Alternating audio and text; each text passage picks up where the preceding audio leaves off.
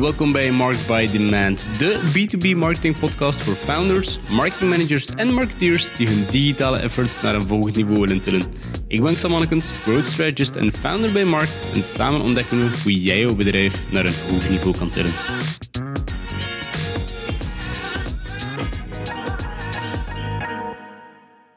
Welkom bij Market by Demand. Vandaag gaan we het hebben over B2B marketing attributie. Hoe kan je anno 2022 de impact meten van je marketingacties op je gewenste doelen? Hoe kan je het echt gaan doen?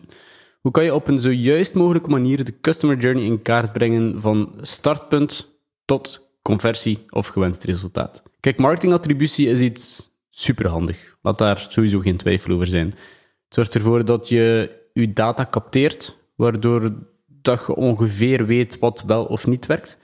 Je krijgt als marketingteam, als founder, als bedrijf meer grip op je marketinginspanningen en je kan makkelijk gaan bijsturen op basis van data. En je hebt je budget eigenlijk meer onder controle dan vroeger als je een tv-ad ging gaan doen of, of in de boekjes een advertentie deed. Het maakt rapporteren naar teams dus eigenlijk heel wat makkelijker. Nu, er zijn echt wel heel wat valkuilen waar dat je voor moet opletten en die willen we in deze episode echt wel gaan bespreken. Door het opleggen van privacy-maatregelen eigenlijk bij verschillende kanalen. Denk aan Google die geen third-party cookies uh, zal verzamelen.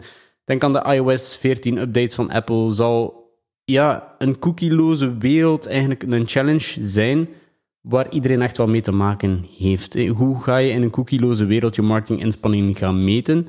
En hoe kan je als bedrijf je eigenlijk zo goed mogelijk hierop voorbereiden? Ja, klopt. En ik denk dat het misschien eerst nuttig kan zijn om uh, te bespreken hoe dat we alles op dit moment gaan meten. Dus stel, er komt een nieuwe klant bij ons, hoe gaan we die, dat bedrijf, de website en alles wat dat ze doen zo sterk en zo juist mogelijk meten, uh, in een mate van het mogelijke. Dus eerst uh, gaan we kijken vooral naar de online advertising campagnes op de socials. gaan we de Google Ads campagnes gaan we kijken en Google Analytics. Dus gaan we dit volledige verhaal in kaart brengen. Dus we gaan goals en conversies gaan opstellen via Google Tag Manager. En op basis van de gewenste acties van de klant gaan we daar proberen goals van te maken. Denk maar aan contactformulieren, telefoonoproepen, e-mails, videoplays, eh, downloads bijvoorbeeld. Deze conversieacties plaatsen we dan in Google Analytics. Hier kunnen we gemakkelijk de instroom van gebruikers analyseren. Waar komen ze vandaan? Welk kanaal zorgt voor de meeste conversies? Welke voor de minste? Waar spenderen we te veel geld aan en zo verder. Dus het is belangrijk dat we dit verhaal op basis van de data hier kunnen gaan bekijken. En dan daarnaast gaan we via een CRM-systeem, dus bijvoorbeeld HubSpot, de, de contactleads in een pipeline gaan steken. Dus HubSpot is eigenlijk een systeem waarbij dat je alle contacten mooi kan verzamelen, mooi kan organiseren, zodat je de juiste acties kan uitvoeren op basis van ja, de journey van deze lead. En dat is heel belangrijk om dat zo goed mogelijk in kaart te brengen. Dus deze pipeline wordt dan opgevolgd door zowel ons als de klant. Dus van lead naar een MQL naar een eh, SQL. Dus een MQL is een marketing qualified lead. Dan van een marketing qualified lead gaan we naar een sales qualified lead. Iemand die al effectief aangetoond heeft dat hij koop klaar kan zijn of dat hij effectief wel um, ja, klaar is om business met jou te doen. En dan naar een real opportunity. Iemand die koop klaar is en dan effectief de deal gaan afsluiten. Dus dat is de, de journey ongeveer. Nu, om alle data zo goed mogelijk bij te houden, gaan we dit alles in een dashboard gaan steken. Dus we verbinden alle kanalen waar de klant actief is. Denk maar aan Google Ads, denk maar aan uh, Facebook, LinkedIn. Al die zaken gaan we mooi verbinden met een uh, dashboard tool. En van daaruit gaan we dan alle data mooi gaan, uh, gaan verzamelen, zodat we daar insights uit kunnen halen. Eh, dus dat is eigenlijk hoe dat we het op dit moment uh, gaan doen. Nu, ik denk wel dat het heel belangrijk is, en dat is eigenlijk de, de, doelstelling van deze episode, om na te denken van wat kan je eigenlijk niet gaan meten. En dus zeker als we hier gebruik maken van attributiesoftware, dus bijvoorbeeld Google Analytics en de andere kanalen, dan kan je meestal zelf kiezen om een goed beeld te krijgen dat we daar zo, ja, zo juist mogelijk mee om kunnen gaan. Dus gaan we daar vaak gebruik maken van, van deze tool om de customer journey zo goed mogelijk te beschrijven. Mm Dus de eerste keer dat de klant met ons in contact kwam, eh, was bijvoorbeeld via paid social. Dat kunnen we zien in deze tool. Daarna heeft hij zij ons opgezocht via organic search, dus gewoon in Google Search iets ingetypt. En van daaruit kunnen we dat allemaal gaan lezen in deze, in, in deze tool, in Google Analytics bijvoorbeeld. En dan als laatste zien we in de, page, in de, in de tool zelf, dat het laatste page path, dus de laatste actie dat iemand heeft gedaan, dat dat bijvoorbeeld paid search was. En dat is de journey dat we zien in, in zo'n zo'n software. Nu, ik denk dat we inderdaad vooral vandaag willen bespreken waarom dat, dat niet optimaal is en hoe dat we dat zo goed mogelijk kunnen aanpakken in 2022, want er zitten wel heel wat uh, valkuilen daarbij natuurlijk. Ja, en uiteindelijk hoe dat we het de dag van vandaag, de meeste bedrijven doen, is, is pretty straightforward. Je hebt, de stap waarin dat je gewoon denkt, oké, welke acties kunnen websitebezoekers gaan doen online? Gaat die gaan definiëren? Gaat die gaan instellen om te gaan meten? Gaat het gaan linken met een Google Analytics? Gaat het daar gaan instellen met een CRM-systeem? En dan gaat het eigenlijk op basis daarvan gaan meten van oké, wat leveren marketingresultaten op? Nu, wat is, ja, wat is het probleem? En, en op welke vlakken faalt attributiesoftware? Het maakt analyses en, en zaken meten niet altijd vlekkeloos. Integendeel, het kan er echt voor zorgen dat je als marketeer en als founder, als bedrijf in het algemeen blindsided gaat worden op een of andere manier en eigenlijk verkeerde conclusies gaat gaan nemen. Het allergrootste probleem is dat de manier van resultaten meten aan de hand van bestaande attributie en bestaande attributieoplossingen eigenlijk helemaal niet matcht met de manier hoe dat B2B aankopen de dag van vandaag gebeuren.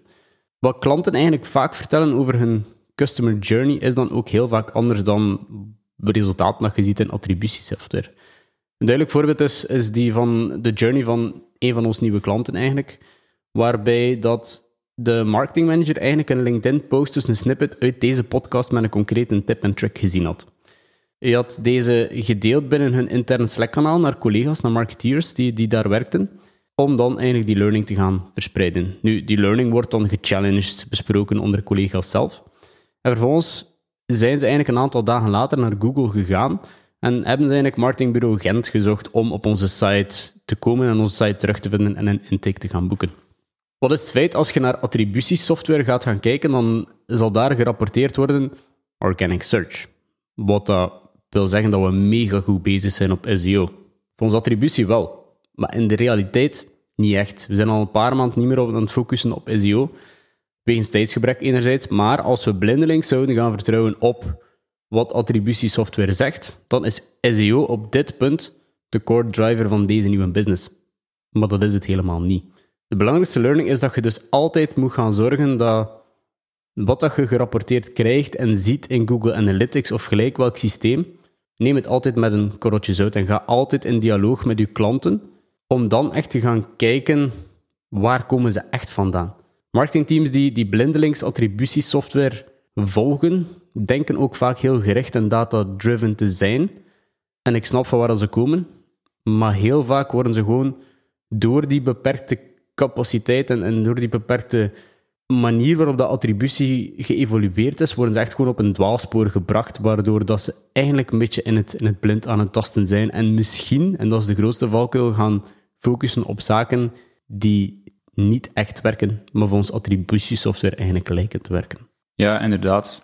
En hoe dat je nu zo goed mogelijk met de klant kan communiceren online, zonder daar effectief mee een call te gaan uitvoeren, kan je bijvoorbeeld gebruik maken, en dat deden we zelf voor een van onze klanten, maar daar straks nog over, deden we een self-reported attributieveld. Nu, een heel moeilijk woord, een heel complexe term om eigenlijk te zeggen dat je een vak toevoegt in je contactvorm met vrije tekst input, met een vraag stelt, hoe heb je ons leren kennen? Dus een extra veld met een extra vraag. Nu, we hebben dat ook zelf gedaan voor een van onze klanten. Dus we gaan eventjes de, de resultaten opzommen. We hebben dat hier neergeschreven, zodat we dat kunnen delen hier in deze podcast. En de learnings, en vooral de learnings inderdaad. We verzamelen in deze periode 31 eh, sales qualified opportuniteiten, waarvan 1 vijfde binnengehaald werd. Nu, onze learnings hier, attributiesoftware, die gaf eigenlijk 0,0 krediet aan demand generation efforts. Dus bijvoorbeeld de live webinar sessies, de live events, LinkedIn-aanwezigheid van onze klant werd nergens teruggevonden via attributie. Wanneer we kijken naar wat hun prospects effectief zeggen op basis van het invulformulier, dus van het extra veld, eh, zien we dat 90% hen eigenlijk kent via LinkedIn zelf, 14% via de live webinars en 6% eh, kent het bedrijf via de live events. Dus duidelijk een heel groot verschil. Dus eigenlijk de tweede learning hier, komt terug neer op wat we in puntje 1 uh, zeiden en aanhaalden, namelijk dat we prospects vertellen over hoe ze tot bij onze klant terechtkomen en wat gerapporteerd wordt door attributiesoftware zelf bijna altijd verschillend is en uh, totaal niet matcht eigenlijk. En dan punt 3, we zien ook in Google Analytics en andere rapportage tools dat alles wat capturing demands betreft, dus het gaan capteren van een bestaande vraag, dominant is en lijkt in deze attributiesoftware. Dat komt omdat alle andere efforts, denk aan sociale media, aanwezigheid, podcasts, mond aan mond, allemaal op dark social kanalen plaatsvinden. En het is onmogelijk om dit te gaan meten, maar het heeft wel degelijk een effect. En dat merken we ook zelf met onze eigen, met onze eigen eh, podcast en onze eigen zaken dat we doen binnen deze dark socials, dat dat effectief wel een effect heeft.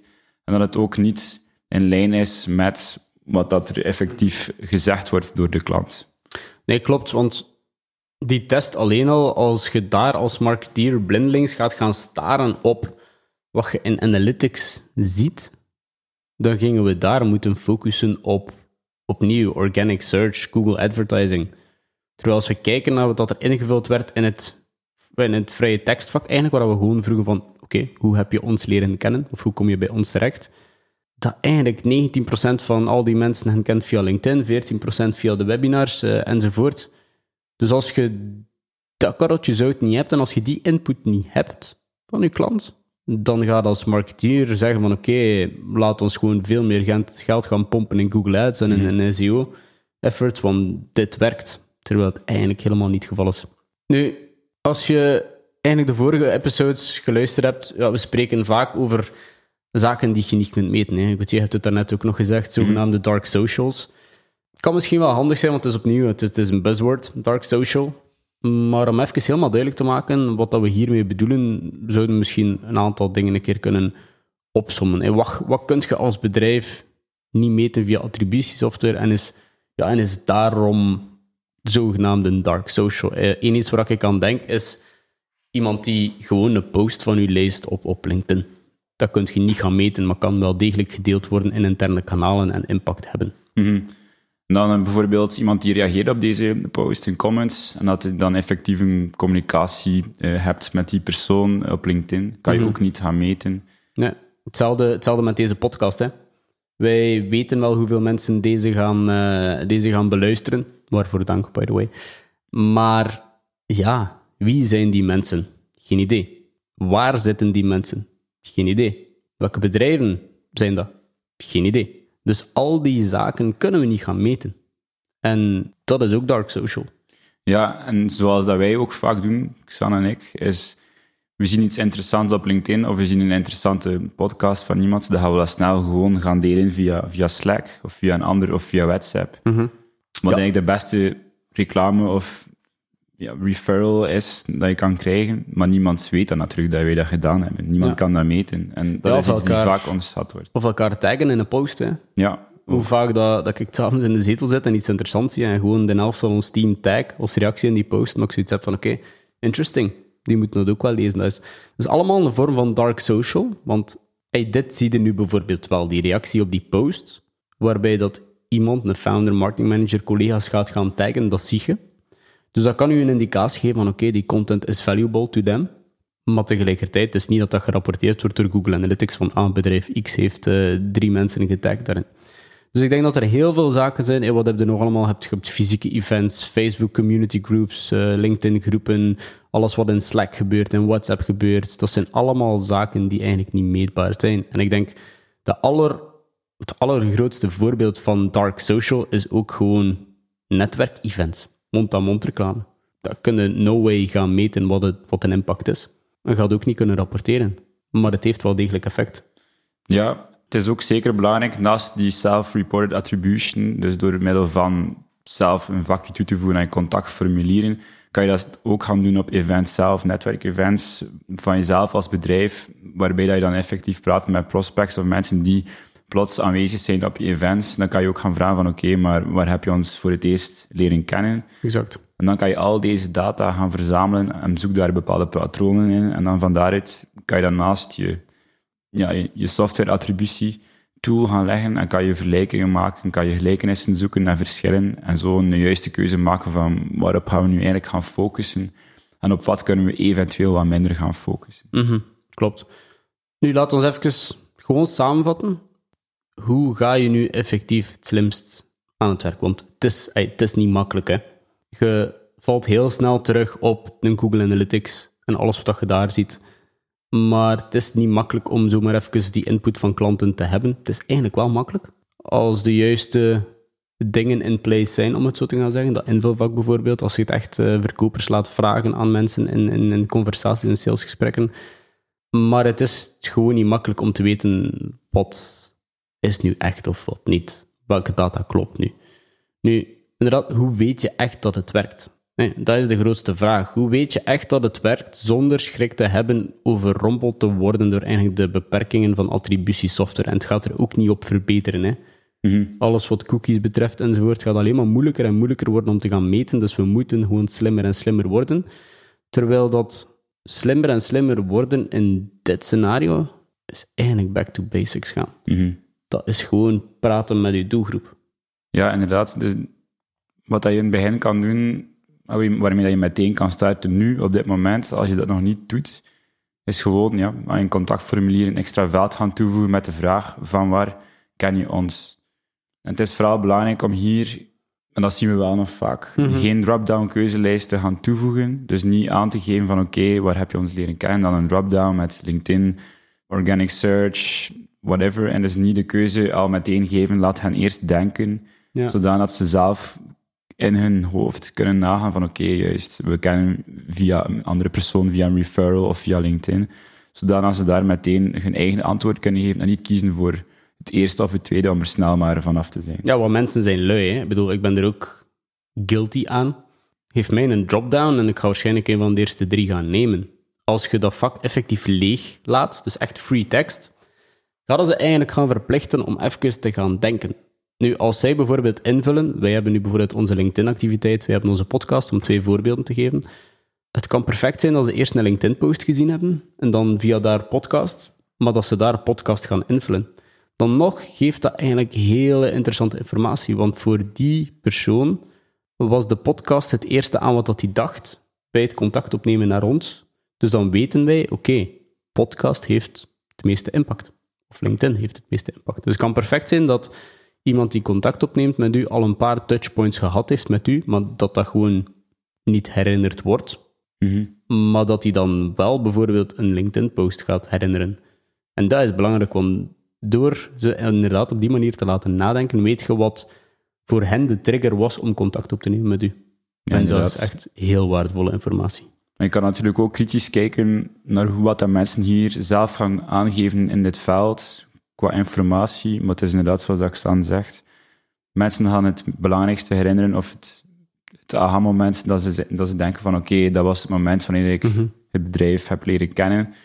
Los van of het nu volledig klopt of niet. Nu, meestal gaat dat wel deels kloppen natuurlijk. Mhm. Gaan ze dat wel kunnen herinneren, maar natuurlijk niet iedereen zal dat perfect weten. Maar het is belangrijk om gewoon opnieuw patronen te herkennen in al die verschillende formulieren dat je gekregen hebt. Van daaruit ja, learnings gaan trekken of het nu effectief klopt of niet. Mhm. Nu, En- je zei daar straks zelf ook aan, inderdaad, mensen zijn lui. Mhm. Natuurlijk kan je nadenken, oké, het contactformulier zal misschien wat meer frictie krijgen door het extra veld eh, te gaan toevoegen. Mhm.